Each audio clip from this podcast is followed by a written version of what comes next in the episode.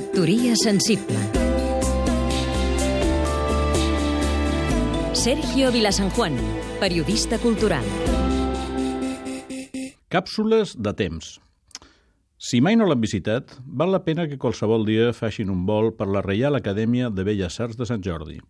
Instal·lada a prop del port, a l'edifici de la Llotja, inclou una bona col·lecció de quadres i dibuixos del segle XIX, i les seves sales i passadissos mantenen el to neoclàssic o romàntic de les seves èpoques glorioses.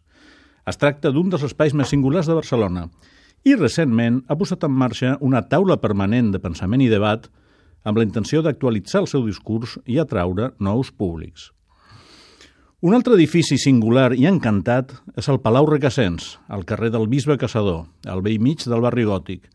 Allotja una altra Reial Acadèmia, la de Bones Lletres, que amb tres segles d'història és la institució emblemàtica de l'humanisme català.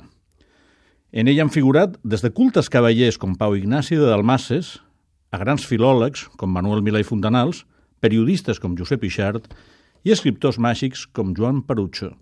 Fa poc es va presentar el diccionari biogràfic que recull perfils de més de 600 dels seus membres. Aquestes dues acadèmies són autèntiques càpsules de temps, llocs que permeten al visitant connectar de forma directa i immediata amb la continuïtat històrica de l'art i la cultura. En aquesta època accelerada que vivim, un privilegi i una necessitat per a una ciutat com la nostra.